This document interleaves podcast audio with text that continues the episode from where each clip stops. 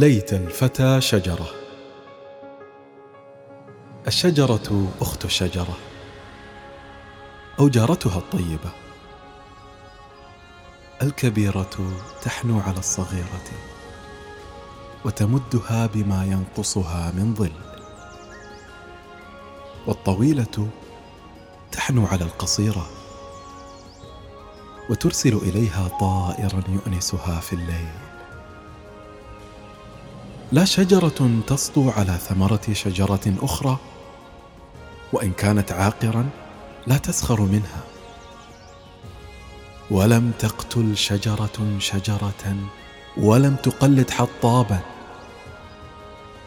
حين صارت زورقا تعلمت السباحة. وحين صارت بابا واصلت المحافظة على الأسرار. وحين صارت مقعدا لم تنس سماءها السابقة.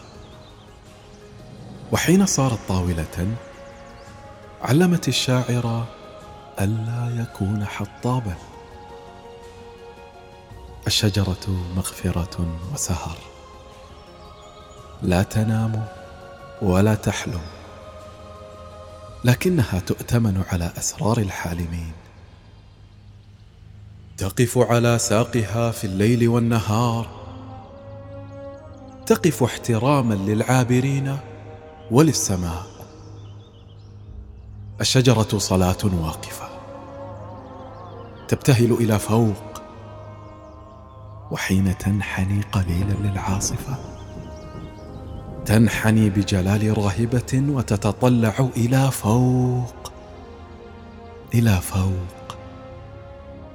وقديما قال الشاعر ليت الفتى حجر. وليته قال ليت الفتى شجرة. قصيدة ليت الفتى شجرة من ديوان أثر الفراشة للشاعر محمود درويش.